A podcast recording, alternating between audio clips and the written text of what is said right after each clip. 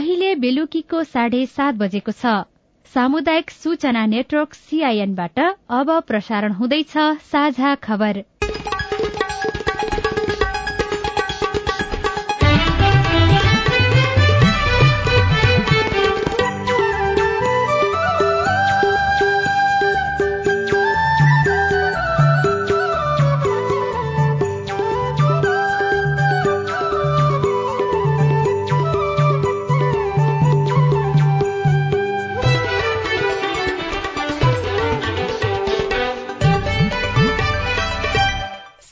सीआईएनको साझा खबरबाट सजना तिमल सिन्हाको नमस्कार। साझा खबर देशभरिका सामुदायिक रेडियो सीआईएन खबर डट कम सीआईएनको फेसबुक पेज र मोबाइल एप सीआईएनबाट पनि सुन्न सकिन्छ।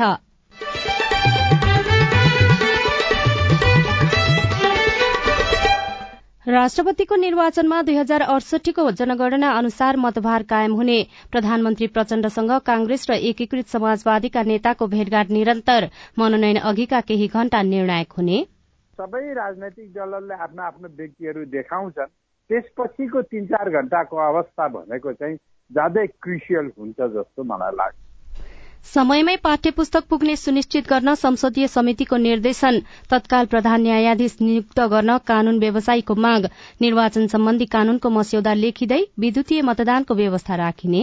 सम्मानित सर्वोच्च अदालतबाट आदेश भएका सबै विषयहरूलाई समावेश गरेर निर्वाचनको क्यालेण्डरको कुराहरू छ। भारतद्वारा दुई सयवटा मृगौला डायलाइसिस मेसिन सहयोग छ महिनामा चार हजार भन्दा धेरै चालक कार्यवाहीमा यातायातका साधनको चाप व्यवस्थापनका लागि बनाइएका योजना कार्यान्वयनमा समस्या। जुन गाडी जहाँ पनि हिँड्ने अनुमति दिइएको छ यो व्यवस्थापन हामीले अध्ययन गरेर पत्ता लगाइसकेका चिजलाई पनि हामीले चाहिँ इम्प्लिमेन्ट गर्न सक नसकिरहेको अवस्था। हो र आइसिसी क्रिकेट विश्वकप लीग श्रृंखलामा स्कटल्याण्डको दोस्रो जित भोलि नेपालसँग खेल्ने।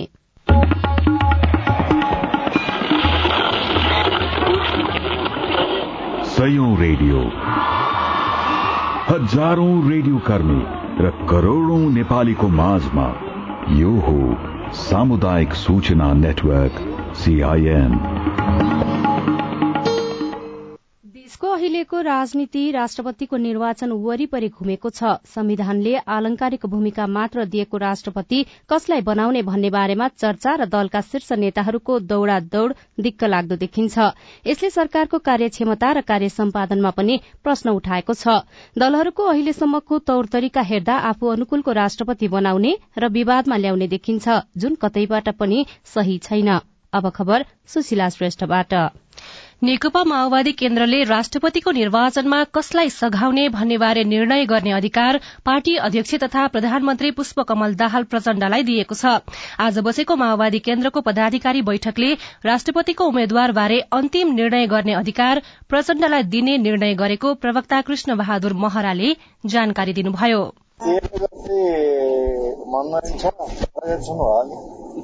सबैसँग भएको हुन्छ र हाम्रो भने नि मैले हाम्रो स्वार्थ राष्ट्रिय सहमति कायम गर्ने एउटा कुरा के हो भने प्रधानमन्त्री हाम्रो अध्यक्ष प्रधानमन्त्रीलाई अन्तिम निर्णय गर्ने जिम्मा दिइयो अहिलेको बैठकले त्यसमा अरू पार्टीका नेताहरूसँग परामर्श माओवादीले राष्ट्रिय सहमतिका आधारमा राष्ट्रपतिको उम्मेद्वार चयन गर्नुपर्ने अडान राख्दै आएको छ। पदाधिकारी बैठक पूर्व नेकपा एकीकृत समाजवादीका अध्यक्ष माधव कुमार नेपाल र प्रधानमन्त्री प्रचण्ड बीच सिंहदरबारमा छलफल भएको थियो।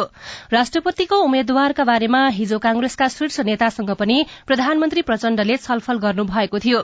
यसअघि नेकपा एमाले सहित सत्ता गठबन्धनका दलहरूसँग भएको सहमति अनुसार गठबन्धन दलहरूको तर्फबाट साझा उम्मेद्वार बनाउने भनिएको गरिएको थियो तर अहिले माओवादी केन्द्रले राष्ट्रिय सहमतिको उम्मेद्वार तय गर्नुपर्नेमा जोड़ दिन थालेपछि सत्ता गठबन्धनकै भविष्यबारे टिप्पणीहरू भइरहेका छन्। सीआईएनसँग कुराकानी गर्दै राजनीतिक विश्लेषक डाक्टर राजेश गौतमले भन्नुभयो। के भयो भन्दा राष्ट्रपतिको पद इगोको कुरो भयो अब। सबै राजनैतिक दलहरूको लागि मैले उठाएको मान्छे अथवा मेरो मान्छे भन्ने कन्सेप्टमा भयो। तर अहिलेको स्थिति के छ भन्दा कसले कसलाई चाहिँ सपोर्ट गर्ने हो भन्ने कुरा नै देखिएन के? हिजोसम्म माधव नेपालको नाउँ थिएन। अब माधव नेपालको नाउँ समेत आइसक्यो। भोलि अब कथन कथाचित भोलिको स्थितिमा होइन कम्युनिस्टहरू चाहिँ एक हुनुपर्छ भन्ने दृष्टिकोणबाट यदि एमाले माधव नेपालको नामलाई प्रस्ताव गरिदियो भने अब काङ्ग्रेसले के गर्ने? अरूले के गर्ने? त्यो स्थिति सिर्जना हुने सम्भावना चाहिँ देखिँदै गइरहेको छ। काङ्ग्रेसले कसलाई ल्याउने हो एमाले कसलाई ल्याउने हो माओवादीले कसलाई ल्याउने हो भन्ने कुरा नै प्रश्न भएन। त्यसैले अब कालान्तरमा एउटा स्थिति के हुन्छ भन्दा जब सबै राजनैतिक दलहरूले आफ्नो आफ्नो व्यक्तिहरू देखाउँछन् त्यसपछिको तिन चार घन्टाको अवस्था भनेको चाहिँ ज्यादै क्रिसियल हुन्छ जस्तो मलाई लाग्छ। अहिले चाहिँ मलाई त्यति साह्रो सिन देखिहालेको छ जस्तो मलाई लाग्दैन। देखिन्छ अब उता माधव नेपालकै उता प्रचण्ड र चाहिँ ओलीको बिचको सम्बन्ध पनि त्यतिकै सुमधुर देखिन्छ। उता प्रचण्ड र चाहिँ शेरबहादुरको सम्बन्ध पनि त्यतिकै सुमधुर देखिन्छ भने अहिलेको स्थितिमा चाहिँ स्पष्ट रूपमा चाहिँ यही सिन हो भनेर चाहिँ भन्न सक्ने स्थिति चाहिँ देखिँदैन जस्तो मलाई लाग्छ। राष्ट्रपति र उपराष्ट्रपति निर्वाचनका लागि निर्वाचन अधिकृतको कार्यालय स्थापना गरिएको छ। नयाँ बानेश्वर स्थित संघीय संसद भवन परिसरमा निर्वाचन अधिकृतको कार्यालय स्थापना गरिएको हो। निर्वाचन अधिकृतको कार्यालयको उद्घाटन गर्दै प्रमुख निर्वाचन आयुक्त दिनेश कुमार थपलियाले निर्वाचनको मतभार दुई हजार अडसठी सालको जनगणनाको आधारमा गरिने जानकारी दिनुभयो।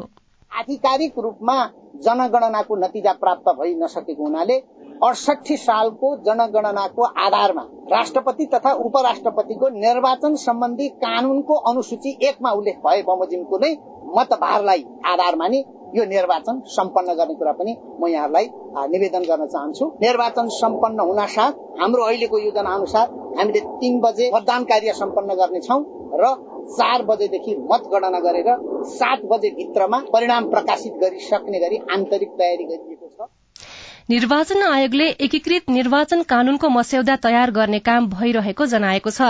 आयोगले निर्वाचन व्यवस्थापनलाई उपयुक्त नीतिगत कानूनी र संस्थागत संरचना सहित समय अनुकूल बनाउन एकीकृत निर्वाचन कानूनको मस्यौदा तयार गरेर पेश गरेको निर्वाचन आयोगका प्रवक्ता शालिग्राम शर्मा पौडेलले सीआईएनलाई जानकारी दिनुभयो। सम्मानित सर्वोच्च अदालतबाट आदेश भएका सबै विषयहरूलाई समावेश गरेर निर्वाचनको क्यालेण्डरको कुराहरू छ। सरकारले घोषणा गर्ने या आयोगले गर्ने या चाहिँ क्यालेण्डरको रूपमा राख्ने सबै कुराहरू समेटिएर आउँछन्। अब आयोगले त इनिसिएसन गर्ने हो मसौदा पेश गर्ने हो। सार्वम संसदले कानून बनाउने हो। त्यसपछि अब व्यापक रूपमा क्याबिनेटमा क्याबिनेट समितिमा अनि हाउसमा हाउसका समितिहरूमा छलफल भएपछि यो पास हुन्छ। र त्यसपछि आयोगले कार्यान्वयन गर्छ जस्तो कि यो विद्युतीय मतदानको कुरा त्यस पछाडि अपाङ्गता भएका व्यक्तिहरूले गरेका विभिन्न फरक फरक मागहरू विषयहरू पनि मस्यौदामा समेटिन्छन् कि? समेटिन्छन् सबै अब पास कसरी हुन्छ? छलफल भएपछि अब अन्तमा हाउसले गराउने कुरो भयो हुनाले अब अहिले सबै कुरा आउँछन् आउन्न त्यो भन्न सकिन्न। तर प्रारम्भिक छलफलमा छन् यी सबै कुराहरू। मस्यौदा तयार गर्ने क्रम जारी रहेकाले पेश गर्न भने केही समय लाग्ने आयोगले जनाएको छ। संघीय संसदको दिगो विकास तथा सुशासन समितिले आगामी शैक्षिक सत्रदेखि मुलुकका सबै विद्यालयलाई समयमा पाठ्यपुस्तक उपलब्ध गराउन निर्देशन दिएको छ। आज सिंहदरबारमा बसेको समितिको बैठकले आगामी शैक्षिक सत्रदेखि देशका सबै विद्यालयमा समयमा पाठ्यपुस्तक उपलब्ध गराउन निर्देशन दिएको समितिका सभापति प्रकाश पन्थले बताउनुभयो। काम टाइममै सक्छौँ भनेर टाइम सेड्युल पनि दिएको थियो तिमीहरूले। सेड्युल अनुसार काम भयो कि भएन कति किताबहरू छाप्यो के गर्यो अब के के प्रब्लम छ भनेर मिटिङ गरे खासमा। कागजको नि समस्या छैन अहिले मेसिनको पनि समस्या छैन अब जनशक्ति सबै हामी पुरापुर लगाइरहेछ समयमै हामी अर्थात् चैतको पन्ध्रभित्र भ्याउँछौँ सबै किताबहरू छापेर अनि त्यसपछि हामीलाई कति डिस्ट्रिब्युट गर्छौँ भने पाठ्यक्रम विकास केन्द्र जनशिक्षा सामग्री केन्द्र र मन्त्रालयले त्यो समस्या नभएको कुराहरू भनेछन् तिनीहरूले। हिमाली क्षेत्रहरूमा शैक्षिक सत्र सुरु भइसक्यो हो कि होइन भनेको होइन। अब यो अहिलेसम्म सङ्घीय ऐनबाटै भइरहेछ यो त एकैचोटि शैक्षिक सत्र सुरु हुने एकैचोटि अन्त हुने हो त्यस्तो फरक फरक शैक्षिक सत्र छैन अहिले चाहिँ भन्ने कुराहरू गरे दुर्गम ठाउँहरूमा पाठ्य पुस्तकहरू पुर्याउने कुरालाई प्रायोरिटी गर्ने भएर सफलहरू भयो। देशभर जग्गाको कारोबार तीस प्रतिशतले घटेको छ। गत आर्थिक वर्षको माघको तुलनामा गएको माघमा घर जग्गा कारोबार तीस प्रतिशतले घटेको हो। गत वर्ष माघमा देशभर उनासाठी हजार पाँच सय सोह्र संख्यामा घर जग्गा किनबेच भएको थियो। तर चालू आर्थिक वर्षको माघ महिनामा भने एकचालिस हजार छयालिसवटा घर जग्गा किनबेचको कारोबार भएको छ। भूमि व्यवस्था तथा अभिलेख विभागका अनुसार पुसको तुलनामा काठमाण्डु उपत्यकामा गत माघमा घर जग्गा कारोबार करिब चौध प्रतिशतले बढ़ेको छ। पुसमा काठमाण्डु उपत्यकामा घर जग्गा किनबेचको संख्या एक हजार नौ सय नौ थियो। यस्तो किनबेचको संख्या माघमा दुई हजार एक सय नब्बे छ। अघिल्लो आर्थिक वर्षको तुलनामा यो वर्ष किता काठ पनि आधा कम भएको छ। जसले गर्दा घर जग्गा कारोबार घटेको हुन सक्ने विभागका प्रवक्ता कृष्ण प्रसाद भण्डारीले सीआईएनसँग बताउनुभयो। यति धेरै घटेको स्थिति चाहिँ अहिलेसम्म थिएन।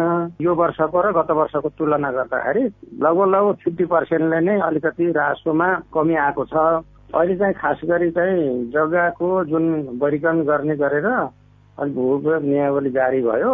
त्यो भू उपयोग नियावली जारी भइसकेपछि नै अहिले चाहिँ अलिक धेरै चाहिँ त्यो चाहिँ न्यून संख्यामा कारोबार भएको र राजस्वर्थीमा पनि कमी भएको देखिन्छ। यो वर्गीकरण नहुँदाखेरि पनि जनताका दैनन्दिन समस्याहरू कोही चाहिँ जग्गा बेचेर स्वास्थ्य उपचार गर्नुपर्ने वा चाहिँ शैक्षिक कार्यमा लगानी गर्नुपर्ने वा पढाउनु पर्ने बालबच्चालाई त्यस्तो स्थितिकालाई चाहिँ अलिकति मर्का परेको छ र राजस्व उर्थीमा पनि अलिकति त्यसले चाहिँ असर गरेको छ होइन।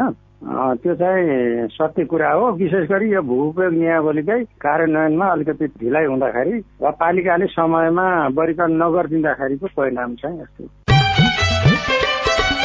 साझा खबरमा अब विदेशको खबर। अमेरिकामा बन्दुकजन्य हिंसामा परि यो वर्ष पाँच हजार आठ सय जनाको मृत्यु भएको छ। बन्दुकजन्य हिंसा सम्बन्धी अभिलेख अध्यावधि गर्ने कार्यालयले सार्वजनिक गरेको विवरण अनुसार आज टेनेसीको मेम्फिसमा भएको गोलीकाण्डमा एकजनाको मृत्यु भएसँगै बन्दुकजन्य हिंसामा परि उक्त संख्यामा मानिसको मृत्यु भएको हो। र एउटा खेल खबरमा आईसीसी विश्वकप लीग दुई अन्तर्गत भोलि नेपालले स्कटल्याण्डसँग खेल्नेछ। यसअघि खेलेका तीन खेलमा नेपालले जित हासिल हासिल गरिसकेको छ। आईसीसी विश्वकप लीग दुई अन्तर्गत बाँकी सबै नौ खेल जित्न सके नेपाल शीर्ष तीनमा पर्दै सोझै विश्वकप छनौट खेल्न पाउने भएको छ।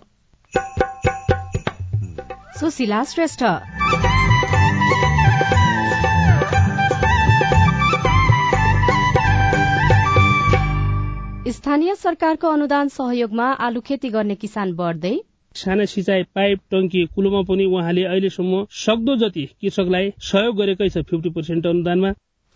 सामूहिक आलु खेती गरेर सिजनमै पच्चीस लाख आमदानी रिपोर्ट। सवारी साधन दुर्घटना न्यूनीकरणका लागि सरकारवाला निकायले चाल्नुपर्ने कदम लगायतका विशेष सामग्री बाँकी नै छन्। सीआईएनको साझा खबर सुन्दै गर्नुहोला। जलवायु परिवर्तनले मानव जीवन र प्राकृतिक प्रणालीमा विश्वव्यापी प्रभाव पारेको छ। आगामी दिनमा यो क्रम अझै बढ्दै जाने अनुमान गरिएको छ। तिम्रो किताबमा पनि जलवायु सम्बन्धी पाठ रहेछ नि होइन विना छ नि। आज म पारिस्थितिकीय प्रणालीमा आधारित अनुकूलन अर्थात इबिए भन्ने पाठ पढ्दैछु। के रहेछ यो इबिए भनेको? जोखिममा परेका समुदायलाई प्राकृतिक स्रोत र साधनको उपयोग गरी जलवायु परिवर्तनको जोखिम न्यूनीकरण र सामना गरी जिउने र विकसित हुन सहयोग पुर्याउने कामलाई इबिए भनिन्छ। जलवायु परिवर्तनको प्रतिकूल प्रभावको सामना गर्न समुदायहरूलाई सहयोग पुर्याउने यो एउटा नयाँ अवधारणा हो। ए अनि खेती किसानी गर्ने हामीलाई पनि यसले फाइदा गर्छ? गर्छ नि। सुक्खा ठाउँहरूमा कम चिस्यानमा हुर्कन सक्ने बाली नाली लगाउने अनि पहिरो जान सक्ने क्षेत्रमा पहिरो रोकथाम गर्न सक्ने र उपयोगी बिरुवा लगाउने। समुदायलाई फाइदा हुने गरी वन चरण पानीको मुहान जस्ता स्रोतको दिगो व्यवस्थापन गर्ने कामहरू इबिए अन्तर्गत पर्छन् क्या। उसो भए त यो गजबको कुरा रहेछ त। हो त नि। धेरै गजबको कुरा हो। इबिए को योजना तयारी र कार्यान्वयन गर्दा स्थानीय जनताको सहभागिता आदिवासी जनजाति संरक्षण कर्मी प्राकृतिक स्रोत व्यवस्थापन अभियन्ता र निजी क्षेत्रका सरोकारवालाहरू बीच पनि समन्वय चाहिन्छ। जलवायु परिवर्तनले निम्ताएका चुनौतीको सामना गर्न जमिन जल र प्राकृतिक स्रोत व्यवस्थापनका सर्वोत्तम उपलब्धिहरूको कार्यान्वयन गरौं। पारिस्थितिकीय प्रणालीमा आधारित अनुकूलन आयोजना जलवायु परिवर्तन तथा व्यवस्थापन महाशाखा वन तथा वातावरण मन्त्रालय र सीआईएन सामाजिक रूपान्तरणका लागि यो हो सामुदायिक सूचना नेटवर्क सीआईएन तपाई सामुदायिक सूचना नेटवर्क सीआईएनले तयार पारेको साझा खबर सुन्दै हुनुहुन्छ। चालू आर्थिक वर्ष दुई हजार उना अस्सी अस्सीको साउनदेखि हालसम्म ट्राफिक नियम उल्लंघन गर्ने चार हजार तीन सय चौध जना चालकलाई सीसीटीभीको सहायताबाट ट्राफिक प्रहरीले कार्यवाही गरेको छ। काठमाण्डु उपत्यका प्रहरी कार्यालयमा रहेको सीसीटीभी नियन्त्रण कक्षले तत्काल दिएको सूचनाका आधारमा तीन हजार दुई सय बयानब्बे जना र ट्राफिक नियम उल्लंघन गरी फरार रहेका एक हजार बाइस जना गरी चार हजार तीन सय चौध जनालाई कार्यवाही गरिएको प्रहरी वरिष्ठ उपरीक्षक राजेन्द्र प्रसाद भट्टले जानकारी दिनुभएको छ। भारत सरकारले उपलब्ध गराउने भनेको दुई सय थान मृगौला डायलासिस उपकरण मध्ये बीस थान उपकरण नेपाल सरकारलाई हस्तान्तरण गरेको छ। आज एक कार्यक्रममा भारतीय राजदूत नवीन श्रीवास्तवले स्वास्थ्य तथा जनसंख्या मन्त्री पदम गिरीलाई मेसिन हस्तान्तरण गर्नुभएको हो। प्रधान न्यायाधीशको नियुक्ति नहुँदा न्याय सम्पादनमा असर पुगेको भन्दै कानून व्यवसायीहरूले तत्काल प्रधान न्यायाधीश नियुक्त प्रक्रिया अगाडि बढ़ाउन माग गरेका छन्। आज सर्वोच्च अदालत बार एसोसिएशनको उन्चासौं स्थापना दिवसको अवसरमा आयोजित शुभकामना आदान प्रदान कार्यक्रममा वरिष्ठ अधिवक्ता टीकाराम भट्टराईले लामो समयदेखि प्रधान न्यायाधीश रिक्त हुनु शोभनीय नभएको बताउनुभयो। नेपालमा खेती हुने प्रमुख नगदे बाली मध्ये आलु पनि पर्छ। हाल देशभर झण्डै दुई लाख हेक्टर क्षेत्रफलमा आलु खेती हुने गरेको छ। यसको व्यावसायिकता बढ़ेसँगै परम्परागत बाली लगाउन छोडेर आलु खेतीमा लाग्ने किसानको संख्या पनि बढ़िरहेको छ। डडेलधुराका किसान पनि आलु खेतीबाट राम्रो आमदानी लिन सफल भएका छनृ। डडेलधुराका अधिकांश किसान परम्परादेखि गर्दै आएको गहुँ तथा धान खेती छोडेर व्यावसायिक आलु खेतीमा लागेका छन्। जिल्लाको परशुराम नगरपालिका गन्याबधुरा गाउँपालिका आलिताल गाउँपालिका लगायतका किसान आलु खेतीमा रमाइरहेका छन्। सामूहिक रूपमा आलु खेती गर्दा राम्रो फल्ने र सिजनमै पच्चीस लाखसम्म आमदानी हुने किसानहरूको भनाइ छ। आलु उत्पादनका लागि प्रधानमन्त्री कृषि आधुनिकीकरण परियोजना र स्थानीय सरकारबाट सहयोग पाएको गन्याबधुराका किसान प्रसाद दत्त अवस्थी बताउनुहुन्छ। सुपर जोनले यन्त्रीकरणमा फिफ्टी पर्सेन्ट अनुदान दिनुभएको छ भने उन्नत जात आलु बिउमा भयो मूल बिउमा भयो फिफ्टी पर्सेन्ट अनुदान दिनु गर्नु भएको छ भनेपछि कट्टामा भयो मल्चिङ रोलहरूमा पनि त्यस्तै फिफ्टी पर्सेन्ट दिएको छ भनेपछि बिग्रेकोलाई सुधार पनि गर्यो कोल्ड स्टोरलाई निर्माण पनि गर्यो अनि कोल्ड स्टोरमा राखे बापत प्रत्येक कृषकलाई प्रति किलो दुई रुपियाँको दरले पनि अनुदान दियो। त्यसै गरी साना सिँचाइ पाइप टङ्की कुलोमा पनि उहाँले अहिलेसम्म सक्दो जति कृषकलाई सहयोग गरेकै छ फिफ्टी पर्सेन्ट अनुदानमा प्राविधिक सहयोग पनि दिएकै छ। त्यसै गरी स्थानीय सरकारले पनि कृषिमा आफूले सके जति र आफूले भ्याए जति गरेकै छ। आर्थिक प्राविधिक सिंचाइको सुविधा तथा यन्त्र उपकरणमा आलु सुपर जोनले सहयोग गरेपछि किसानहरूलाई थप हौसला मिलेको छ। जिल्लामा एक हजार सात सय एकानब्बे रोपनी क्षेत्रफलमा आलु खेती भइरहेको बताउनुहुन्छ। आलु सुपर जोन डडेलधुराका प्रमुख ध्रुवराज जोशी। अहिले हामीले हिउँदे बालीमा आलु चाहिँ क्षेत्र छनौट गरेर नयाँ क्लस्टर विकास गरेर हामीले क्षेत्र विस्तार गरेका छौँ र जिल्लाभरिको आँकडा हेर्दा हामीले सत्र सय एकानब्बे रोपनीमा चाहिँ यस हिउँदे बालीको रूपमा चाहिँ हामीले क्षेत्र विस्तार गरेका छौँ। जसमा चाहिँ हामीले चाहिँ स्थानीय तहसँग चाहिँ हामीले चाहिँ सहकार्यमा समन्वयमा आलुमा लाग्ने रोग किरा नियन्त्रणका लागि सरकारी निकायबाट राम्रो प्राविधिक सहयोगको खाँचो रहेको किसानहरू बताउँछन्। सिंचाइ सुविधा भएको ठाउँमा आमदानीका लागि आलु खेती राम्रो विकल्प रहेको किसानहरूको भनाइ छ। Mamata Bhatt CIN radio Amargadhi Dadeldhura. साझा खबरमा अब हेलो सीआईएन उषा तामाङबाट। म श्यामकृष्ण डङ्गोल परमस्थलीबाट। तारकेश्वर नगरपालिकाको छ नम्बर वडामा ठुला पसले व्यापारीदेखि लिएर साना पसले व्यापारीहरूले पनि आफ्नो लागत मूल्य भन्दा पनि बढी मूल्य लिएर दैनिक उपभोग्यका सामानहरू मनोमानी ढङ्गले बेचिरहेका छन्। तर पनि स्थानीय निकायदेखि सरकारवाला निकाय पनि मौन छ। अहिलेसम्म अनुगमन गरेका छैन यहाँ। तपाईँको गुनासो हामीले वाणिज्य आपूर्ति तथा उपभोक्ता संरक्षण विभागका प्रवक्ता होमनाथ भट्टराईलाई सुनाएका छौं। हामीले पनि अनुगमन त गरिरहेको छौँ तर कस्तो छ भने हाम्रो युनिटसँग चाहिँ थोरै कर्मचारी होइन सानो रिसोर्स भएकोले सबैतिर भ्याउनलाई अलिकति गाह्रो छ। किन सरकारमा यो बजार अनुगमनको चाहिँ अधिकार भएको हुनाले यस्तो सानोतिनो आफ्नो छरछिमेकका मुद्दाहरूमा चाहिँ स्थानीय तहको सरकारबाट नै पहल होस् भनेर हामीले स्थानीय सरकारको प्रमुख प्रशासकीय अधिकृतलाई समेत अधिकार प्रत्यार्जन गरे गरेका छौँ। सकेसम्म यस्तो शान्तिपूर्ण समस्याहरू त्यतैबाट समाधान भइदिए राम्रो हुन्थ्यो भन्ने छ यद्यपि हाम्रो चाहिँ अनुगमन पनि जारी नै छ तर हामीले विशेष त सङ्घीय सरकारको तर्फबाट चाहिँ आयात निर्यात र अलिक ठुला व्यावसायिक कारोबारहरूमा चाहिँ अलिकति अनुगमन बढाउनु पर्ने जस्तो महसुस गरेर हाम्रो रिपोर्ट चाहिँ त्यतापट्टि गइरहेको छ। विभागका प्रवक्ता भट्टराईको विचार सुनेपछि हामीले तारकेश्वर नगरपालिकाका प्रमुख श्री कृष्ण हरि महर्जनलाई सम्पर्क गरेका छौं। अनुगमनको कुरामा तीव्र गतिले अगाडि बढाएको अवस्था छ र चाहिँ साठीवटा जति चाहिँ हामीले चाहिँ पसलहरूमा अनुगमन गरेको अवस्था कतिपय पसलहरूमा अखाद्य वस्तु जो मिति नागिसकेका कुराहरू सबै कुराहरू त्यसलाई छनौट गरेर चाहिँ पसलेहरूलाई सम्पूर्ण कुरा चाहिँ सावधानी अप्नाउन र यो यस्ता खाले चाहिँ कुरा चाहिँ खाद्य वस्तुहरू यस्ता चिजहरू चाहिँ नबेच्न पनि हामीले चाहिँ अनुरोध गरिसकेको अवस्था छ। आवाज आउनु भनेको सुझाव हो। त्यो सुझावलाई लिएर जाने क्रममा स्थानीय तह सधैँ चाहिँ तत्पर नै रहेको कुरा चाहिँ जानकारी गराउन चाहन्छु सुरु गाउँपालिका एघारबाट कलबहादुर सर्की बोलेको गत वर्ष हामीले पाँच हजार बिरुवा लक्षित वर्गबाट भनेर प्रदेशबाट चाहिँ लागेको पाँच हजार बिरुवा है आफ्नो गडामा लाएको थियौँ दुई लगभग हाम्रो तिन सयवटा बिरुवाहरू छ।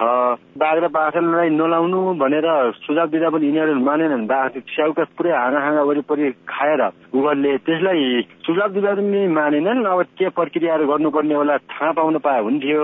यस्ता किसिमका विवाद आपसी छलफलबाट टुङ्ग्याउन नसके सोरु गाउँपालिकाका उपाध्यक्षको संयोजकत्वमा रहेको स्थानीय न्यायिक समितिमा उजुरी गर्न सक्नुहुन्छ। तपाई जुनसुकै बेला हाम्रो टेलिफोन नम्बर शून्य एक बान्न साठी छ चार छमा फोन गरेर आफ्नो विचार प्रश्न गुनासो तथा प्रतिक्रिया रेकर्ड गर्न सक्नुहुन्छ।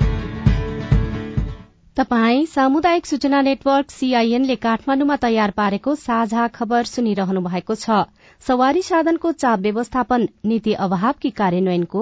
एउटा लेनले चाहिँ एक घण्टामा तीन सयवटा गाडी चाहिँ व्यवस्थापन गर्न सक्छ भन्छौ होइन? थोरै सवारी साधन भए त्यति नै व्यवस्थापन गर्न चाहिँ सहज चाहिँ हुन्छ। एकजना विज्ञसँगको विशेष कुराकानी बाँकी नै छ। सीआईएनको साझा खबर सुन्दै गर्नुहोला। बाल विवाह विरूद्ध धर्मगुरूहरूको प्रतिबद्धता। वैदिक साहित्यमा बाल विवाह छैन। बाल विवाह हाम्रो मण्डली अन्तर्गत भएको छैन। हाम्रोमा बाल विवाह हुँदैन। यो मुद्दुमले भनेको कुरा हो र हाम्रो व्यवहारमा त्यस्तो नै छ।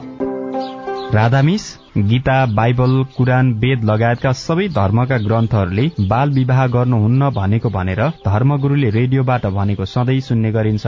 तर किन बाल विवाह अन्त्य नभएको होला? हाम्रो नगरलाई बाल विवाह मुक्त गराउन अब के गर्ने होला? त्यो त हो नगर प्रमुख ज्यू भनेर मात्रै पुग्दैन। सबै धर्मका धर्मगुरूहरूले म बाल विवाह गराउने काममा संलग्न हुन्न भनेर प्रतिबद्धता जनाउने र अरूलाई पनि त्यस्तै सिकाउने कार्य गर्न सके मात्रै त्यो कार्य प्रभावकारी हुन्छ। अनि बाल विवाह विरूद्ध काम गर्ने संघ संस्थाहरू र तपाईँहरू जस्ता स्थानीय सरकारले पनि धर्मगुरू र धार्मिक अगुवाहरूलाई यो अभियानमा सँगसँगै सहभागी गराएर अघि बढ़ाउन सके। बाल विवाह लगायतका हानिकारक परम्परागत अभ्यास अन्त्य गर्न सकिन्छ। हुन्छ राधामिस म त्यसै गर्छु। ओल्ड भिजन इन्टरनेसनल नेपाल र अकुराब। सामाजिक रूपान्तरणका लागि यो हो सामुदायिक सूचना नेटवर्क सीआईएन तपाई सामुदायिक सूचना नेटवर्क सीआईएनले काठमाण्डुमा तयार पारेको साझा खबर सुन्दै हुनुहुन्छ। सरकारले ढिलै भए पनि काठमाण्डु उपत्यका सार्वजनिक यातायात व्यवस्थापन प्राधिकरण ऐन जारी गरेको छ। सरकारको साझा न्यूनतम कार्यक्रममा पनि यो विषय समेटिएको छ। यसले उपत्यकामा अव्यवस्थित र जटिल बन्दै गएको सार्वजनिक यातायातलाई सुव्यवस्थित र भरपर्दो बनाउन चाहिने स्वतन्त्र निकायका रूपमा काठमाण्डु उपत्यका सार्वजनिक यातायात प्राधिकरण गठनको ढोका खोलेको छ। उपत्यकाको यातायात व्यवस्थापन कसरी गर्न सकिन्छ? साथी राजन रुचालले पूर्वाधार विज्ञ आशिष गजुरेलसँग सोध्नु भएको छ। हरेक कुरालाई चाहिँ कहाँ गएर ठोकिन्छ भन्दा सार्वजनिक यातायातमै ठोकिन्छ। जस्तो आज पनि हेर्नुभयो भने नेपालमा चाहिँ यत्रो देश छ चालिस लाख भन्दा बढी चाहिँ सवारी साधन दर्ता भएको छन्। काठमाडौँमा मात्रै हेर्नुहुन्छ भने तेह्रदेखि चौध लाख चाहिँ सवारी साधन गुड्ने अनुमान गरिन्छ। त्यसमा चाहिँ तपाईँको सार्वजनिक यातायात भनेको ट्याक्सी सहित बिस हजार मात्र हो। भनेपछि के हो त भन्दा सार्वजनिक यातायातमा हाम्रो एकदमै कम छ। र सार्वजनिक यातायात व्यवस्थित नहुँदाखेरि के भयो त भन्दा तपाईँ पनि एउटा चाहिँ गाडी किन्नुभयो अथवा नसक्ने मोटरसाइकल किन्नुभयो किन्न त केही न केही किन्नुभयो किनभने तपाईँ सधैँ ट्याक्सी चढ्न सक्नुहुन्न सार्वजनिक यातायात भर पर्दो छैन समयमा पुगिँदैन कोचाकोच हुन्छ आरामदायी छैन होइन धेरै समस्या छ। त्यही भएर चाहिँ निजी सवारी साधन यति धेरै बढ्यो। अब सवारी साधन बढ्दै गएपछि के हो त भन्दा अब माग चाहिँ सडकमा चाहिँ स्पेसको माग बेसी हुने तर सडकको त्यति स्पेस नहुने भएपछि त के हो त भन्दा यो डिमान्ड र सप्लाईको फङ्सन हो। जब चाहिँ तपाईँको माग चाहिँ बेसी हुन्छ तर आपूर्ति कम हुने बित्तिकै के हो त भन्दा ट्राफिक जाम हुने भयो। हो सार्वजनिक यातायातको कुरा गर्दाखेरि चाहिँ हामीलाई टेम्पो पनि चाहिन्छ निलो माइक्रो पनि चाहिन्छ हायस पनि चाहिन्छ ठुला गाडी पनि चाहिन्छन् मिनी बस पनि चाहिन्छ। खास सार्वजनिक यातायात हुनुपर्ने चाहिँ कस्तो हो? अब सार्वजनिक यातायातमा चाहिँ नेपालको अहिले परिवेश हेर्नुहुन्छ भनेदेखि सबै प्रकारकोलाई चाहिँ प्रयोग गर्न सकिन्छ। जस्तो हामीले के गरेको छौँ भन्दा यो हामी राज्यले नै गरेको कुरा हो। के हो त भन्दा काठमाडौँकै उपत्यकाको रुटलाई primary route secondary route tertiary route भनेर चाहिँ छुट्यायो। प्राइमेरी भनेर ठुलो त्यसपछिको सानो खालको त्यसपछि चाहिँ सानसानो चाहिँ सडकलाई चाहिँ टर्सरी रुट भनेर डिभाइड गर्यो। अब ठुलो रुटमा ठुलो चाहिँ बस चलाउने हो। हामीमा त अर्थ अहिले केही छैन। भनेपछि हाम्रो जे छ त्यही हो। ठुला बस चलाउने जस्तो अहिले साझाले चौन्न सिटर चलाइरहेछ। त्यस्तो सिट प्राइमेरीमा चलाउने। त्यसपछि मिनी बसहरू चाहिँ तपाईँको चाहिँ सेकेन्डरी रुट त्यसपछिको सडकमा चढाउने। त्यसरी चाहिँ हामीले व्यवस्थापन गर्न सक्छौँ। तर त्यस्तो छैन। जुन गाडी जहाँ पनि हिँड्ने अनुमति दिइएको छ भनेपछि हामीले चाहिँ यो व्यवस्थापन हामीले अध्ययन गरेर पत्ता लगाइसकेका चिजलाई पनि हामीले चाहिँ इम्प्लिमेन्ट गर्न सक नसकिरहेको अवस्था हो। काठमाडौँकै सडकको कुरा गर्दाखेरि त्यो चक्रपथको मात्रै कुरा गर्नु भएन। भित्री सडकहरूको पनि कुरा गर्नु पर्यो नि त। त्यसो हुँदाखेरि चाहिँ काठमाडौँको सडकले धान्न सक्ने चाहिँ कस्ता खालका गाडीहरू हो? अब तपाईँको हेर्नु न अब सडक यहाँ चाहिँ आठ लेनको पनि छ होइन? तपाईँको चाहिँ छ लेनको पनि छ चार लेनको पनि छ दुई लेनको पनि छ एक लेनको पनि छ होइन? भनेपछि त्यसकोमा हुने गाडी। अहिले मैले भने अब आठ लेन छ भनेदेखि तपाईँ त चौन्न सिटर होइन चौन्न सिटरमा डबल जोडेर चलाउन सक्नुहुन्छ अझ बस बाहिरतिर देख्दाखेरि। त्यसो भए पछाडि त्यो चक्रपथको मात्रै कुरालाई जोडेर त्यहाँ त्यस्तै खालको गाडीहरू चलाउन सक्यो भने पनि यातायात व्यवस्थापन हुने रहेछ। एकदम। अब चक्रपथको कुरा गर्दाखेरि हामीले बस ऱ्यापिड ट्रान्जिटको पनि कुरा गरिरहेका छौँ। त्यो भनेको चाहिँ हाई क्यापेसिटी बस। एक सय पचासजना बोक्न सक्ने चाहिँ त्यस्तो खालको चाहिँ सवारी साधन होइन पनि चलाउन सकियो। होइन? त्यसपछिको चार लेनमा चाहिँ चौन्न सिटर चलाउन सकियो होइन? त्योभन्दा सानोमा चाहिँ बिस सिटर चलाउन सकिएला भनेपछि सडकको चौडाइ हेरेर चाहिँ हामीले चाहिँ सर्व सर्व के अरे सवारीको चाहिँ व्यवस्थापन गर्न सकिन्छ। यातायात इन्जिनियरिङमा चाहिँ के भनिन्छ भन्दाखेरि कुनै एउटा सहरको जनसङ्ख्या तिस लाख भन्दा कट्यो भने चाहिँ त्यहाँ चाहिँ सहरी रेलको व्यवस्थापन गर्नुपर्छ। त्यसको चाहिँ मुख्य उदाहरण भने मेट्रो रेलको कुरा छ होइन? र त्यो चाहिन्छ त्यो भने चाहिँ व्यवस्थित हुन्छ भनेर भनिएको छ। तर रेल त अहिले बन्ने छाँडकाँड पनि छैन। त्यो अहिले चाहिँ भन्यो भने मान्छे बेकारमा हाँस्छन् मात्र। तर बनाउन नसकिने पनि होइन। तर त्यो भन्दा गर्दा अहिले हामीले व्यवस्थापन गर्न सक्ने भनेको चाहिँ बस के हो? तर बस व्यवस्थापन गर्दाखेरि अहिले तपाईँले पनि राम्रो प्रश्न गर्नुभएको थियो। यति धेरै चाहिँ यहाँ सञ्चालकहरू छन् होइन? यहाँ चाहिँ तपाईँ बस व्यवसायीहरू पनि यति धेरै छन्। उहाँहरू बिचमा एकीकृत रूपमा चलाउन सकेको छैन। तिनीहरूलाई मात्र एउटा छाता मुनि ल्याएर होइन एकीकृत रूपमा चाहिँ समय तालिका टिकटिङ सिस्टम रुट सिस्टम योजना गर्ने हो भनेदेखि त हाम्रो आदि समस्या त त्यही समाधान हुन्छ नि। आज एउटै प्यासेन्जरलाई पाँचवटा बस सञ्चालकहरूले कम्पिट गरिरहेका हुन्छन्। अहिले तपाईँ बस स्टपमा गएर बस्नुहोस्। साझाले त्यहीँ कम्पिट गर्छ मध्यपुरले त्यहीँ कम्पिट गर्छ अर्कोले त्यहीँ गर्छ अर्कोले कम्पिट गर्छ। त्यो सुविधाले ताने त एउटा कुरा हुन्थ्यो नि हातै हालेर तान्ने स्थिति छ तान्ने किनभने त्यो टिकट त सेन्ट्रल पैसा त सेन्ट्रल कलेक्ट हुँदैन। भोलि सेन्ट्रल कलेक्सन हुने हो भने त के हो त? एउटा गाडीले सयजना बोके पनि त्यसको चाहिँ सेन्ट्रल कलेक्सन हुने हो बिसजना बोके पनि सेन्ट्रल कलेक्सन हो। त्यो भए चाहिँ समय तालिकामा ऊ हिँड्छ।